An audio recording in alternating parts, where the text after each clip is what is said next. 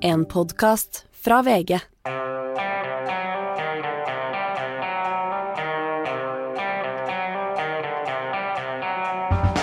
Ikke visste jeg at alle disse dagene som kom og gikk, de var selve uke åtte.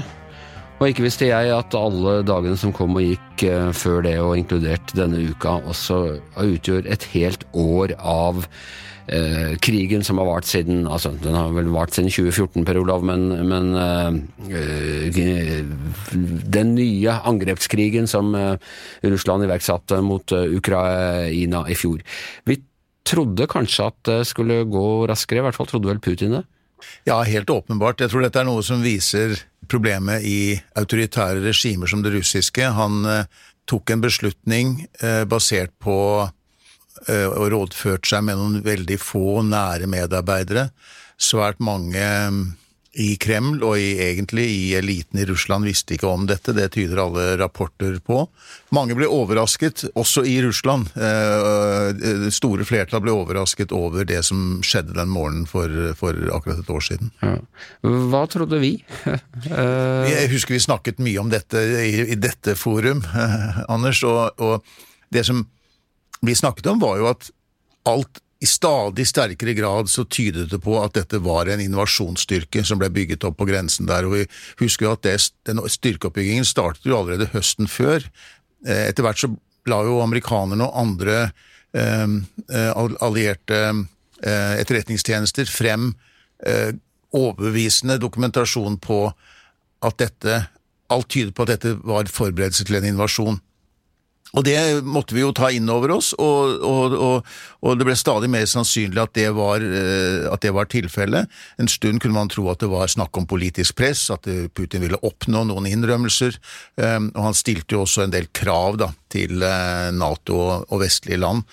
Det som på en måte i hvert fall jeg syns var vanskelig å Eh, forstå hva var, hva var rasjonalet, hva var meningen, hvor, hva ville han egentlig oppnå med dette, uh, sett i lys med alt han risikerte uh, ved å gå til et slikt skritt. Og Det var det eneste som gjorde at jeg var usikker på om han faktisk kom til å gjennomføre det. Du har, siden du begynte i VG for ganske mange år siden, dekka svært mange store eh, konflikter og væpnede konflikter eh, verden rundt. Du har ikke vært og dekket denne. Eh, kjenner du som gammel utenriksreporter et slags savn etter å, å dra og dekke noe sånt? Vi har heldigvis dyktige kolleger som har gjort en veldig god og skikkelig jobb med dette i felt gjennom dette siste året. Eh, for meg så har det også opptatt meg i veldig stor grad, og jeg har jo forsøkt å, å, følge denne situasjonen. For i tillegg til det som skjer på bakken i Ukraina, så er jo dette et stort politisk spill mellom øst og vest, mellom Russland og eh, Europa, USA. Um, og jeg syns det har vært viktig også å gi, prøve å forstå dette best mulig og sette ord på det. Ja. Så min rolle har på en måte vært mer å forsøke å se det store bildet der. Det er rollen din, men kunne du, kunne du ha tenkt deg å dra og dekke det? Nei, jeg tror jeg har kommet dit hen at det er uh, mer naturlig for meg å overlate det til andre. Jeg har ikke følt noe, noe stort savn med det. Jeg var i, sist i Ukraina uh, under den Maidan-demonstrasjonene i uh, 2014, den som senere ble Ja, på mange ganger når det hele startet. Og jeg, og, det, og jeg var i Ukraina noen ganger på det Eh, ja, på den tiden der. Ehm, og eh, jeg, jeg, tenker at mye av det som har skjedd siden, hadde på en måte sitt eh, arnested der i det um, i de, de, omfattende, de, de, store demonstrasjonene mot datidens prorussiske regime, og alt det som skjedde i ettertid, hadde på en måte et, et startpunkt der, og jeg, og jeg lærte mye under de tidlige oppholdene i Ukraina på det tidspunktet.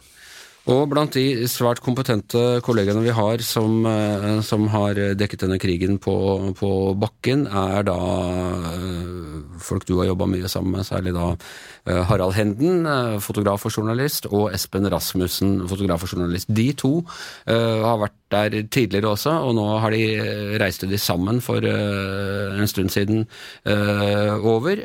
og vi har, vi har, snakket med Espen onsdag denne uken. Og uh, Espen, hvor er, det, hvor er, du akkurat nå? Nå er vi eh, ved frontlinjen eh, øst i Ukraina, i Donbass. det vi er liksom ved siste stopp før man eh, må krysse, krysse frontlinja, drar inn i, eh, i Donetsk, som eh, jo er eh, russisk kontrollert. Og hvordan reiser dere rundt der i, i disse områdene? Det er jo jeg og Harald Hennen som er fotograf, og så har vi en eh, fikser og oversetter som er sammen med oss, som heter Anton. Altså, vi kjører, eh, så har vi en leiebil rett og slett, som vi bruker å kjøre rundt med. Og, og kjører da til og fra frontlinjen, og, og avhengig av hva vi skal gjøre av reportasjer og historier. da. Dette er den samme leiebilen som har brukt siden krigen, krigen starta? Nei, vi, vi uh, Harald hadde jo sin bil her nede, sin firmabil, uh, som vi brukte før. Men uh, den kjørte vi tilbake til Oslo sist gang vi var i Ukraina. Så nå har vi leid oss en bil i Lviv og kjørt gjennom hele Ukraina med den. Så det blir mange tusen kilometer hver gang vi er her. Ja, ja. Du, eh, hvordan opp, altså, Nå som dere er i, i disse frontområdene, eh, hvordan opplever dere at uh, ukrainerne tenker og snakker og, og opplever krigen? Er, de, er, er, det mer krigstrøtthet i, i, de områdene enn det er i, i de fredeligere områdene? Er kampviljen nå et år seinere like sterk som den var for et år siden? Det er vel litt todelt, tenker jeg. Altså For det første så er det jo der vi er mye, så er det jo ikke så mange sivile igjen eh, overalt. Eh, mange har jo flytta på seg eller flykta enten til Europa eller til liksom tryggere steder i Ukraina. Men samtidig så er det jo folk Vi står nå utenfor faktisk postkontoret her vi er. Eh, det er ikke et postkontor, men et lagerhus. Og her jobber det folk. og Butikker er åpne, man kan få handla bensin. Så, så, samfunnet fungerer jo. Eh, jeg står med mobilen her og snakker med dere, så samfunnet fungerer jo. Eh, og så er det klart at eh, sånn vi opplever soldater og de vi møter som, eh, som er liksom direkte engasjert i krigen, så får vi ikke noe inntrykk av at det er noe krigstrøtthet. Eh, snarere tvert om. Eh, det er, de har fortsatt kampånd, vil jeg si. Biden dukket jo overraskende opp i Kiev, var vel på mandag. Hvordan ble det mottatt? Jo, det snakkes om, og det tror jeg var en viktig begivenhet for ukrainerne. For, å, for det er klart at eh, de merker nok, eller de er nok redde for eh, og har frykt for at eh, skal komme i Europa, resten av Europa, om ikke i Ukraina selv. Så det at de um, opplevde at Biden kom til Kiev og møtte Zelenskyj, det er klart at det det gir dem en følelse av at de fortsatt står høyt på agendaen, og at, eh, og at de fortsatt har eh, god støtte i Vesten. Ja. Og, og, dagen etter at eh, Biden hadde vært der, så, så holdt jo Putin tale. Blir den, for den noe oppmerksomhet blant ukrainerne? Det er mye deling av det i sosiale medier. Det er mye sånne hva kalles det, memes og sånt som, som lages. Så det, er, det er jo en de har en tendens til å latterliggjøre mye av det han sier og gjør. Eh, eh, så, så der, er det, der, er vel synet på han eh, likt som det har vært under hele krigen. Og det er jo et, en veldig hat, da, vil jeg si. Det er, det er, når vi snakker med om det er soldater eller sivile, så, så, er det stort sett alltid historier som på en måte eh, gjør at man, man merker at de at det er et hat der, og at de rakker ned på han på alle mulige måter. Så, så, det, men det er klart de får det med seg. Eh, det er jo, det er jo, det er jo fremtiden dens eh, til landet og for befolkningen her det handler om. Så det er jo viktig hva han sier og, og, og hva han da gjør i praksis. Det er enorme tap i denne krigen på, på begge sider. og uh, Forsvarssjefen her i Norge var ute tidligere i vinter og snakka om uh, rundt 180 000 skadde og døde russere og, og 100 000 ukrainere. og Dere uh, lagde en veldig sterk reportasje om ukrainske soldater som begraver en fallen russisk soldat. og man opplever jo her en krig som vi ikke har et omfang som vi ikke har hatt i Europa siden, uh, siden annen verdenskrig. Hva tenker du når du møter disse menneskene om hvordan de vil kunne møte uh, freden igjen, når den uh, en gang kommer? Er, traumene vil jo ri dem i lange tider etterpå? Ja, det er, eh, det er, litt sånn eh, Det er nesten vanskelig å tenke på, fordi det er et så stort spørsmål og en så stor på en måte eh, ting. Altså Én ting er eh, traumene og det de opplever konkret i krigen, som er å miste Om det er å miste pappaer, eller om det er å miste ektemenn, eller om det er familier som blir splitta. Og så er det jo også, når man kjører rundt, særlig det er også, også, så enorme materielle skader overalt. Altså, det er byer som er utsletta, eh, jernbanelinjer, broer. Eh, som er, altså Det er ingenting igjen av det. Så Der også ligger det jo et enormt behov for ressurser for å kunne bygge, begynne å bygge opp igjen. Eh, og så har du i tillegg eh, titusenvis av udetonerte eksplosiver og miner som er overalt. Og det, det vil ta tiår på tiår å klare å rydde opp i alt dette. Så det er klart at eh, fremtiden, om det nå blir fred, om det blir fred nå eller om et år eller om to, så vil jo denne krigen prege dette landet og befolkningen her i mange, mange tiår fremover. Og dere har nå vært her siden mandag i forrige uke. Når skal dere hjem igjen, og hvordan kommer dere hjem? Skal dere kjøre til Oslo? ja, vi, vi, vi, er ikke helt sikre på helt hvor lenge vi blir her ennå. I dag er vi med et uh, sånn medic-team som uh, henter ut såra soldater fra fronten og som tar dem med til sykehus. Så vi skal følge de i dag og i natt uh, når de jobber. Ehm, og så er det jo eh, ettårsdagen for invasjonen eh, på fredag. Eh, så har vi noen dager til, og så tror jeg vi kjører til Lviv. Og så kommer vi oss over grensa med hjelp av en sjåfør som tar oss over til Krakow. Og så flyr vi hjem, tenker jeg. Ok, du må ha lykke, lykke til, Espen. Hilse Harald. Vi er veldig stolte av dere her i VG. Ja, det skal jeg gjøre. Takk. Ok, men mens krigen raser i uh, Ukraina og Russland, så raser det en kulturkrig over uh, Vest-Europa og USA. Det er uh, woke-krigen, eller kulturkrigen, som har fått ytterligere fart siste uka. Vi har prata mye om det. altså Leif Eriksson oppdager Amerika, hang ikke i det nye Nasjonalgalleriet, ble beskyldt for å være et, et kolonialistisk bilde. Voldsomme protester ble hengt opp igjen, som alle kan nå gå og se det. Og så var det Roald Dahl som var blitt uh, hvor, hvor rettighetshaverne nå driver og pynter på både språket og legger til og trekker fra ting. Og selv vår gamle favoritt Carl Barks, som var den beste Donald-tegneren, er nå utsatt for jeg vet ikke om vi kaller det kanselleringskultur eller etterpåredigering eller noe sånt. Og I den forbindelse så, så Yngve, vi har jo prata de siste dagene om Det er jo ikke nytt, det derre at man forandrer på kunstverk, tilpasser det markedet og hvor man er. Var det ikke sånn i sin tid at, at Ibsen gikk med på å skrive om slutten på et, på et dukkehjem for å få det satt opp i Tyskland?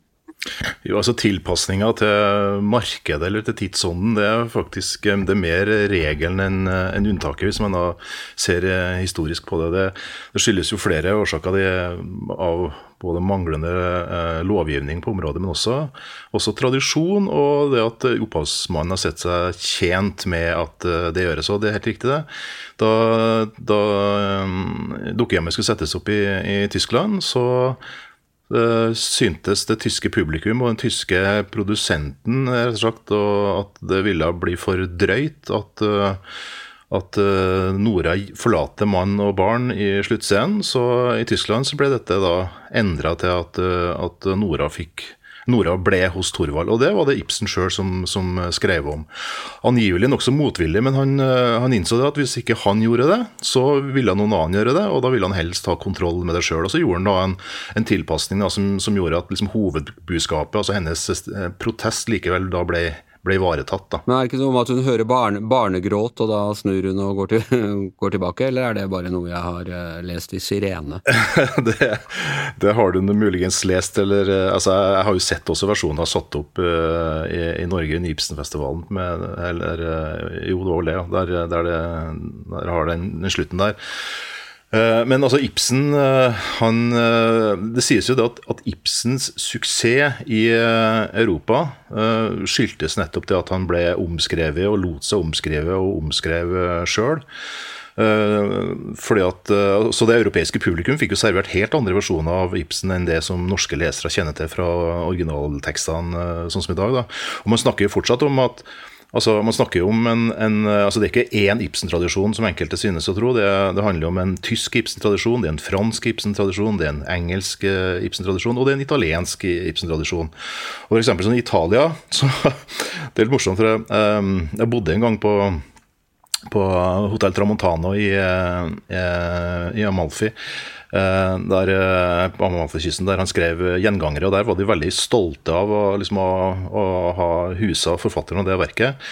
Og tenker på at gjengangere det er jo Altså det, er jo, det, er jo, en fortelling om utroskap og kjønnssykdom og dobbeltmoral og, og sånn. Det ble jo sensurert mange steder i Europa, og det slo ganske dårlig an. Men i Italia der ble det omskrevet og, og tilpassa, som veldig mange andre også av, av Ibsens tekster. sånn at der ble, der ble, det altså en, en, eh, en, tragedie om en mor som ikke uh, klarer å bryte ut av et ekteskap, og en sønn som har syfilis. Det ble da omskrevet et melodrama om en stakkars uh, lidende kunstner, og det ble jo da en kjempesuksess i Italia. Jeg hørte en gang en historie om at Sound of Music, som var liksom 60-tallets aller største filmsuksess, de syntes den ble litt for lang i, i Sør-Korea, så de klippa bort alle sangnumrene um, og fikk den da ned i sånn passe halvannen time, men kalte den fortsatt Sound of Music, og det var en kjempesuksess. Ja da.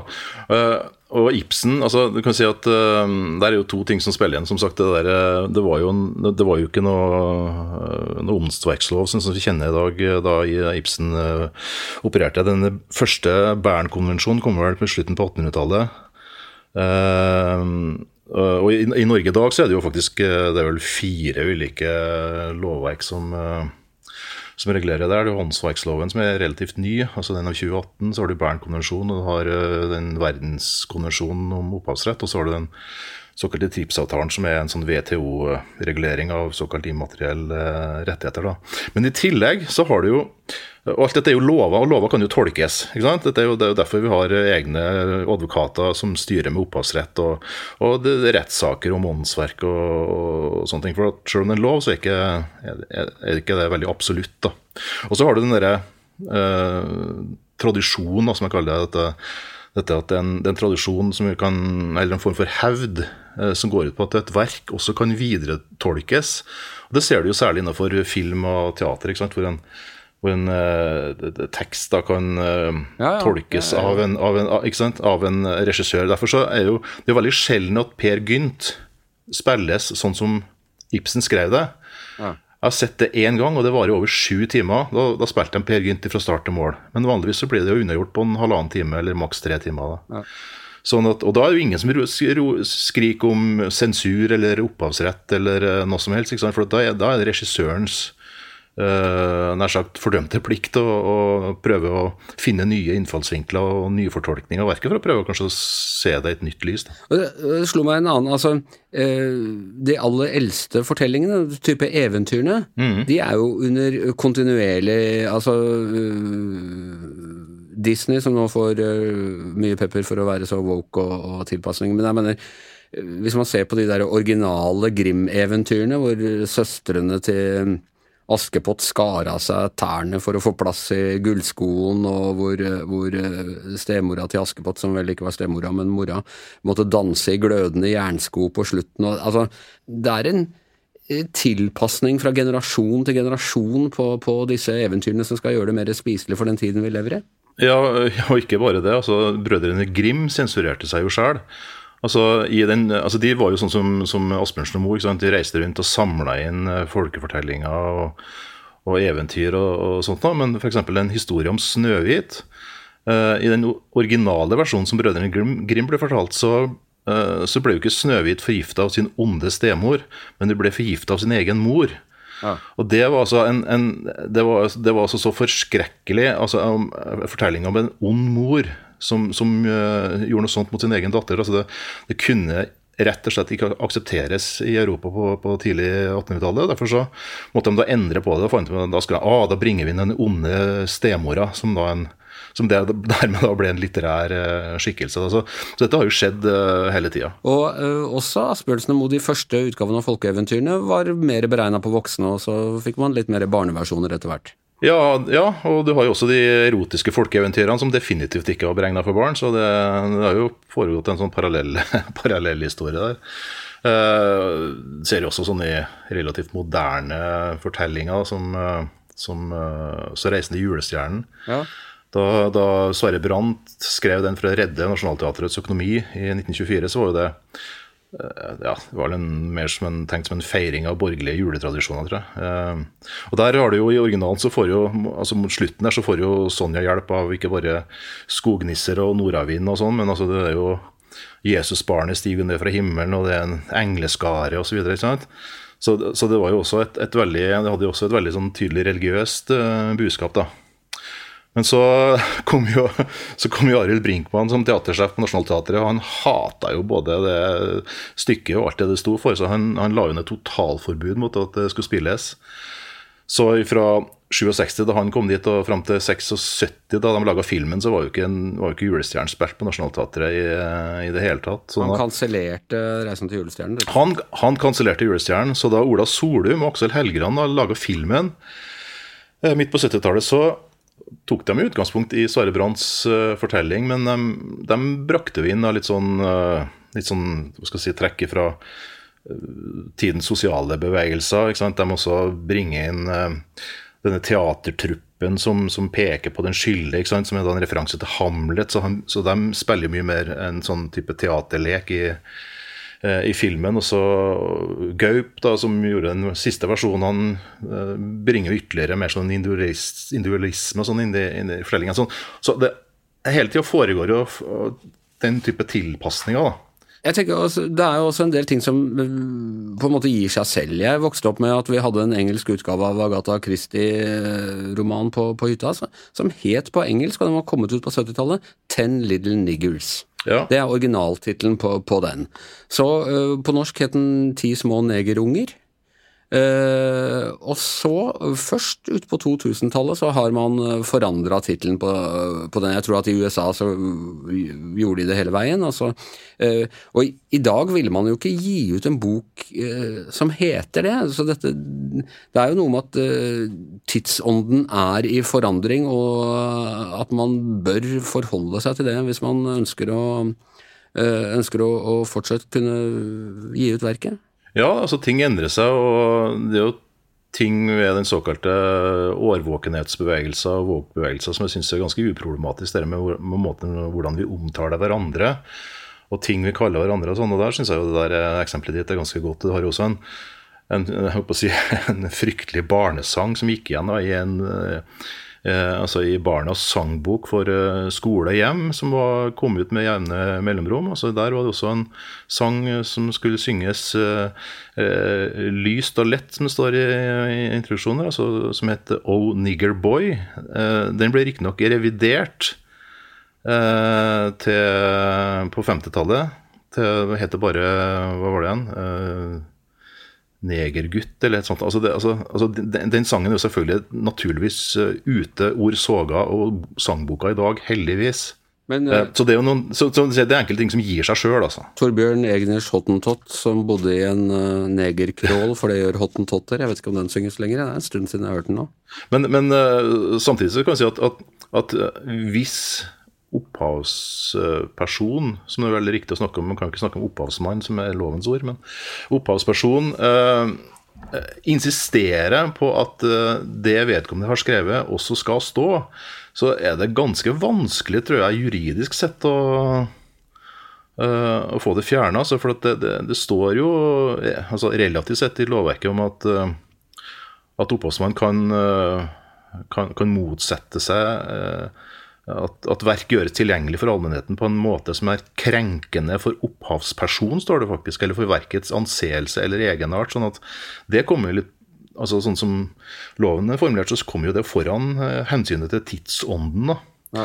Så, men igjen, så dette er jo da anførsel bare loven, og loven er jo til for å tolkes. Eh, summa summarum så er jo dette altså eh, De som forandrer på Dal, har vel lov til det, for de har rett og slett kjøpt rettighetene. Dette er egentlig bare eiendomsretten og kapitalismen på sitt eh, relativt eh, kyniske. Man, eh, man, skal lage masse Roald Dahl TV-serier og filmer, og så er man redd for protester, og så prøver man å, å vandre ned.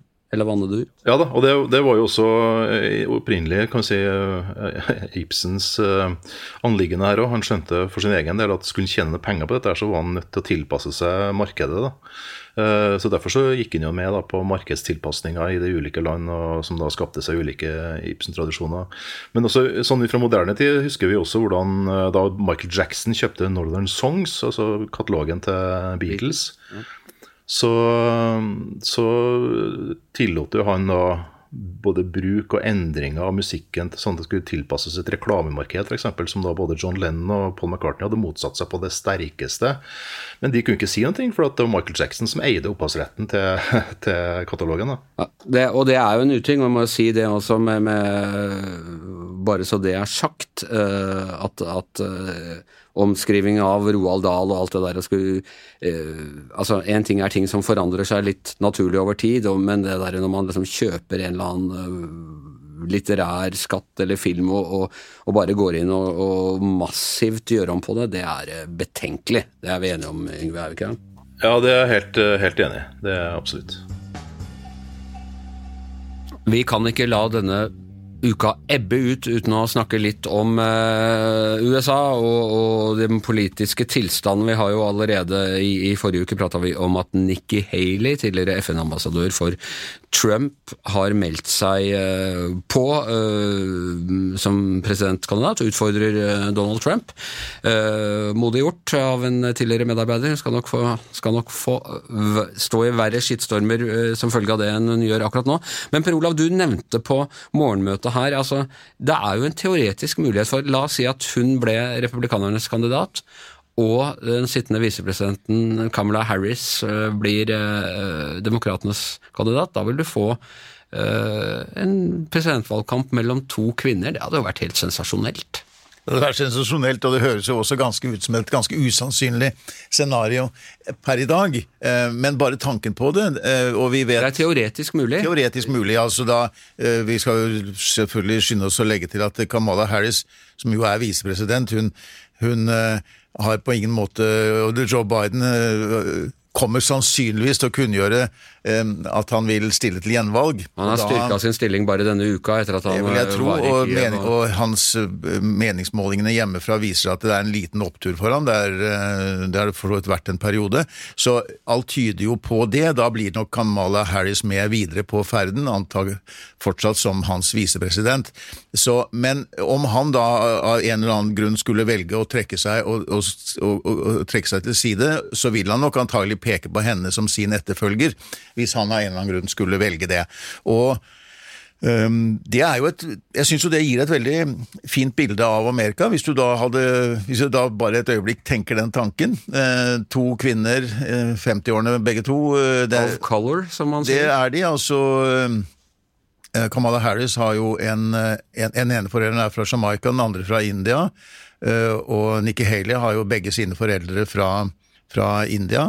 Både fordi at det forteller at det er en reell mulighet for at kvinner kan innta Det hvite hus som president for aller første gang.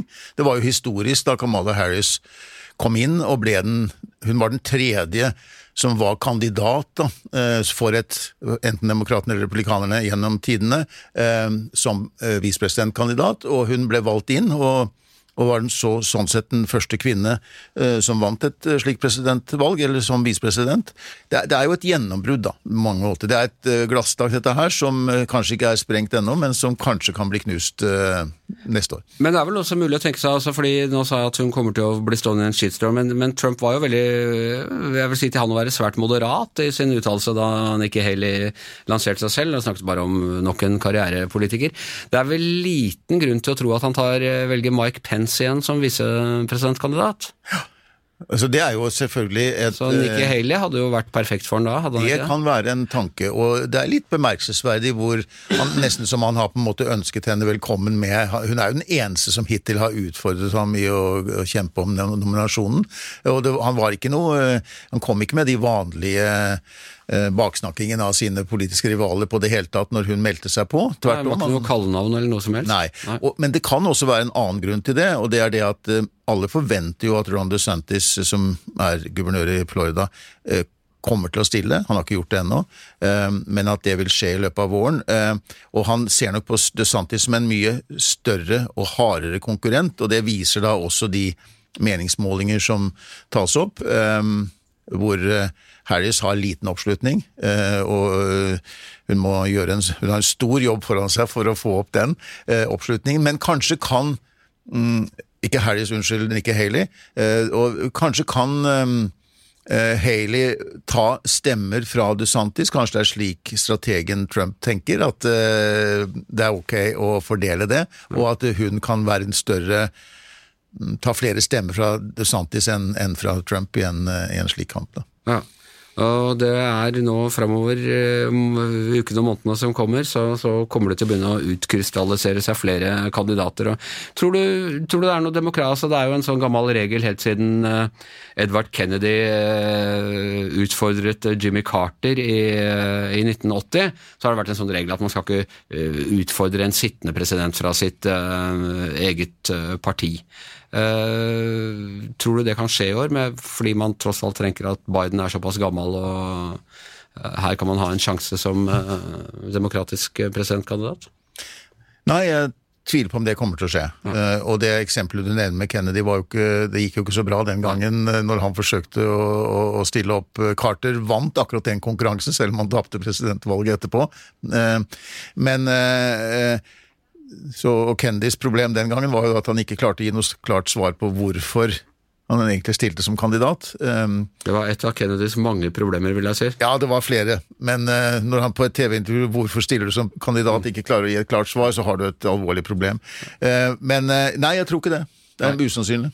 Men vi må snakke litt om, om Jimmy Carter. Da gjør jeg for ordens skyld oppmerksom på at vi har tatt opp dette programmet på torsdag. Øh, for mandag, tror jeg det var, denne uken så ble det kjent at øh, Jimmy Carter, som nå er 98 år gammel, har gitt beskjed om at han flyttet fra sykehjemmet han var på, og flyttes hjem, og der skal han ikke lenger holdes kunstig i liv- live. Så det er et tidsspørsmål hvor lang tid han lever.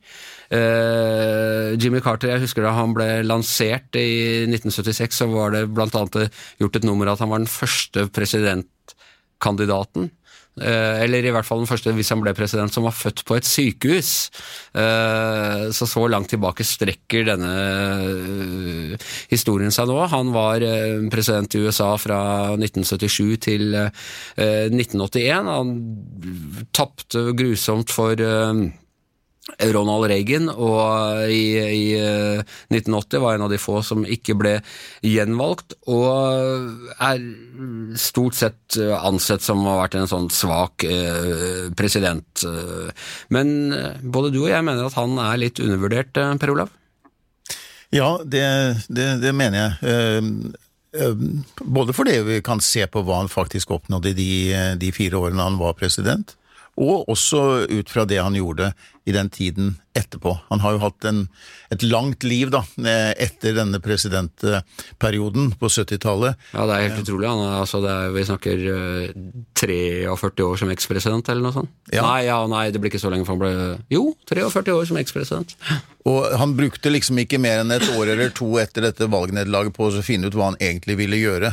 Og det var jo det at han startet dette Carter-senteret, som jo ble et eh, et uh, instrument for å drive med fredsmegling rundt om i konflikter i verden. Uh, uh, også engasjerte seg valg, som valgobservatør ved en rekke valg, og også i dette arbeidet med å utrydde farlige smittsomme sykdommer i verden. Han en, og, og, han, og han engasjerte seg i dette som heter Habitat for Humanity, som drev og bygget hus for hjemløse, og han holdt jo på som snekker fram til godt opp i 90-årene, tror jeg. Jeg husker da han ble valgt, så syntes vi det var så rart at han var peanøttbonde.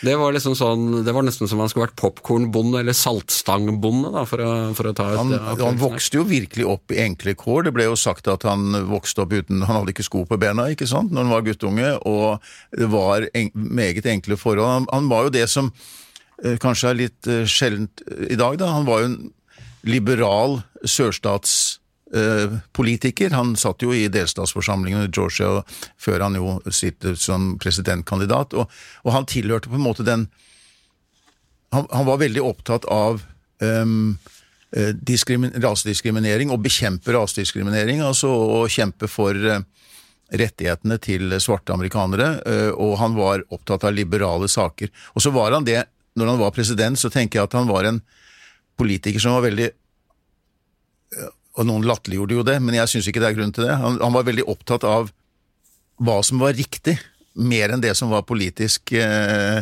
opportunt mm. å gjøre.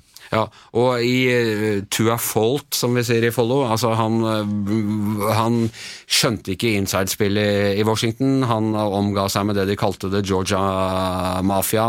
Uh, ble utmanøvrert på en rekke punkter av republikanske insidere. Men han fikk altså blant annet til, han er eneste president i moderne tid som har skapt varig fred i, Midtøsten, med Camp David-avtalen mellom Egypt og Israel Israel? Mm. Uh, Panama-kanalavtalen ble også gjennomført på hans tid. Han uh, opprettet uh, Utdanningsdepartementet i USA. Energidepartementet i USA. det var, han var den første som på en måte begynte å utvikle en nasjonal energiplan for USA. Men jeg vil jo si at noe av de største problemene i hans tid var jo det at var jo selvfølgelig det som skjedde i Iran med den iranske revolusjonen eh, og de nye makthaverne i Iran som tok eh, de amerikanske diplomatene som gisler. Ehm, og jo Og de ble jo ikke sluppet fri før den dagen eh, Ronald Reagan ble innsatt som USAs neste president. Jeg husker vår gamle kollega Svein Røne, som var korrespondent for NTB på den tiden. Han var opptatt av den på TV da, innsettelsen, så var skjermen delt i to. Den ene viste at gislene ble sluppet ut av ambassaden og liksom eksportert eh, inn på flyet, mens den andre visste at Reagan ble tatt til president. En sånn skikkelig ydmykelse av Carter. Virkelig, og jeg tror det ødela helt hans eh, valgkamp, selvfølgelig, på, for å bli gjenvalgt. Samtidig som man også må huske at i den tiden så var det det økonomiske fenomenet som kalles stagflasjon. Det stagflasjon, dvs. Si at det var både høy arbeidsledighet og høy inflasjon og, og lavere økonomisk vekst samtidig. Eh, vi er i økonomiske problemer i dag også, men nå er arbeidsledigheten lav og inflasjonen høy. Da var begge ting Eller alt inntraff på samme tid. Og eh, økonomien også var selvfølgelig noe som trakk oppslutningen om, om Carter ned. Men jeg mener at han står støtt i historien som en av de jeg syns han var en god president, og jeg syns ikke minst at han gjorde en, en, formidabel innsats i den tiden etter han ble president. Han fikk da også Nobels fredspris i 2002. Det gjorde han. det gjorde han. Jeg vil også nevne at han var en rock'n'roll-president. Det gjorde mest inntrykk på meg da jeg var 15 år og han dukka opp. Han var venn av Altman-brødrene. Johnny Cash var en av de som backet han, og han var den siste som var president mens Elvis levde. Han, han var president da Elvis døde, og det var diverse bilder av han og, og Elvis som du kan finne ute på nettet. Jeg vil også gi en uh, liten uh, bare nevne en film som kom for et par år siden som heter Eh, Jimmy Carter, Rock and Roll President, som er, eh, handlet om hvordan eh, mange av disse sørstatsrockerne stilte opp for Carter. Det var selvfølgelig etter år med Vietnamkrig og Nixon og Watergate og alt dette der. Det nærmer seg slutten. Hanne er eh, av gårde på det som må være eh, norgeshistoriens lengste vinterferie, men vi har klart å teleportere henne inn i studio for eh, denne anleggingen. Velkommen skal du være, Hanne. Ja, sjopp, her er jeg. Takk. Sjopp, er, er det fint på vinterferie, eller? Det er kjempefint. Veldig deilig. Litt trist å være så lenge borte fra dere andre, men jeg koser meg. Det er alltid en påkjenning å være borte fra, fra VG, selvfølgelig. Men eh, du har jo laget eh, podkast, og hva er det i morgen? I morgen er det Janne Haaland Matlari, eh, professor i statsvitenskap. Eh, en som tenker litt annerledes og er eh, ikke helt mainstream i forhold til andre akademikere, intellektuelle. Og som ikke er redd for å fortelle ganske tydelig hvordan hun tenker heller? Nei, hun er straight talk express. Veldig rett på. Vi snakker om verden slik hun ser den, med krigen. Hun jo, er gift med en ungarer. Vi snakker litt om forholdene i Ungarn og østeuropeiske landene i forhold til resten av EU, og selvfølgelig Ukraina-krigen og norsk forsvar. Eh, hvordan skal vi klare å forsvare oss, eh, og hvordan skal vi bygge opp et sterkt forsvar i den verden vi er i akkurat nå. Og i morgen, når du har uh, hørt ferdig denne episoden av Gjever og gjengen, og kanskje hørt alle de andre tidligere episodene om igjen, og dette kjente vakuumet oppstår, den meningsløsheten inntreffer i livet ditt, da kommer du plutselig på den kan jeg laste ned og høre på nå. Og med det så er det over for i dag. Over for denne uka, faktisk. Tusen takk til Per Olav Ødegaard, Espen Rasmussen, Yngve Kvistad, Hanne Skartvedt for så vidt også. Jeg heter Anders Giæver, øh, og mannen som øh, skriver om alle våre kommentarer, redigerer om alle våre dumme uttalelser og får dem til å bli sånn passe woke og politisk korrekte til at det kan sendes ut til det krenkbare publikummet, er som alltid produsent Magne Antonsen.